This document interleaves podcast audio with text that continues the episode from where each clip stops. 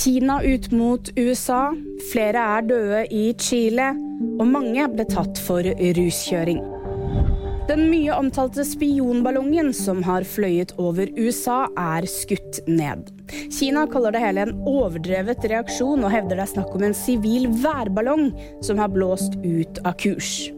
Amerikanerne de mener det er snakk om en spionballong som lar seg manøvrere. Ballongen ble skutt ned med et missil. Minst 23 personer har mistet livet pga. skogbrannene som herjer i Chile.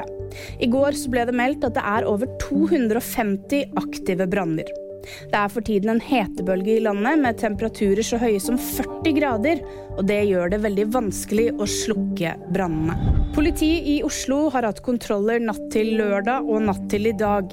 Og syv ble anmeldt for ruskjøring på lørdag, mens fire ble tatt natt til søndag. Kontrollene de varte kun én time hver natt, og det er det høye antallet mot den korte kontrolltiden som gjør politiet veldig bekymra. VG-nyhetene de fikk du av meg, Ida Aaberg Evensen.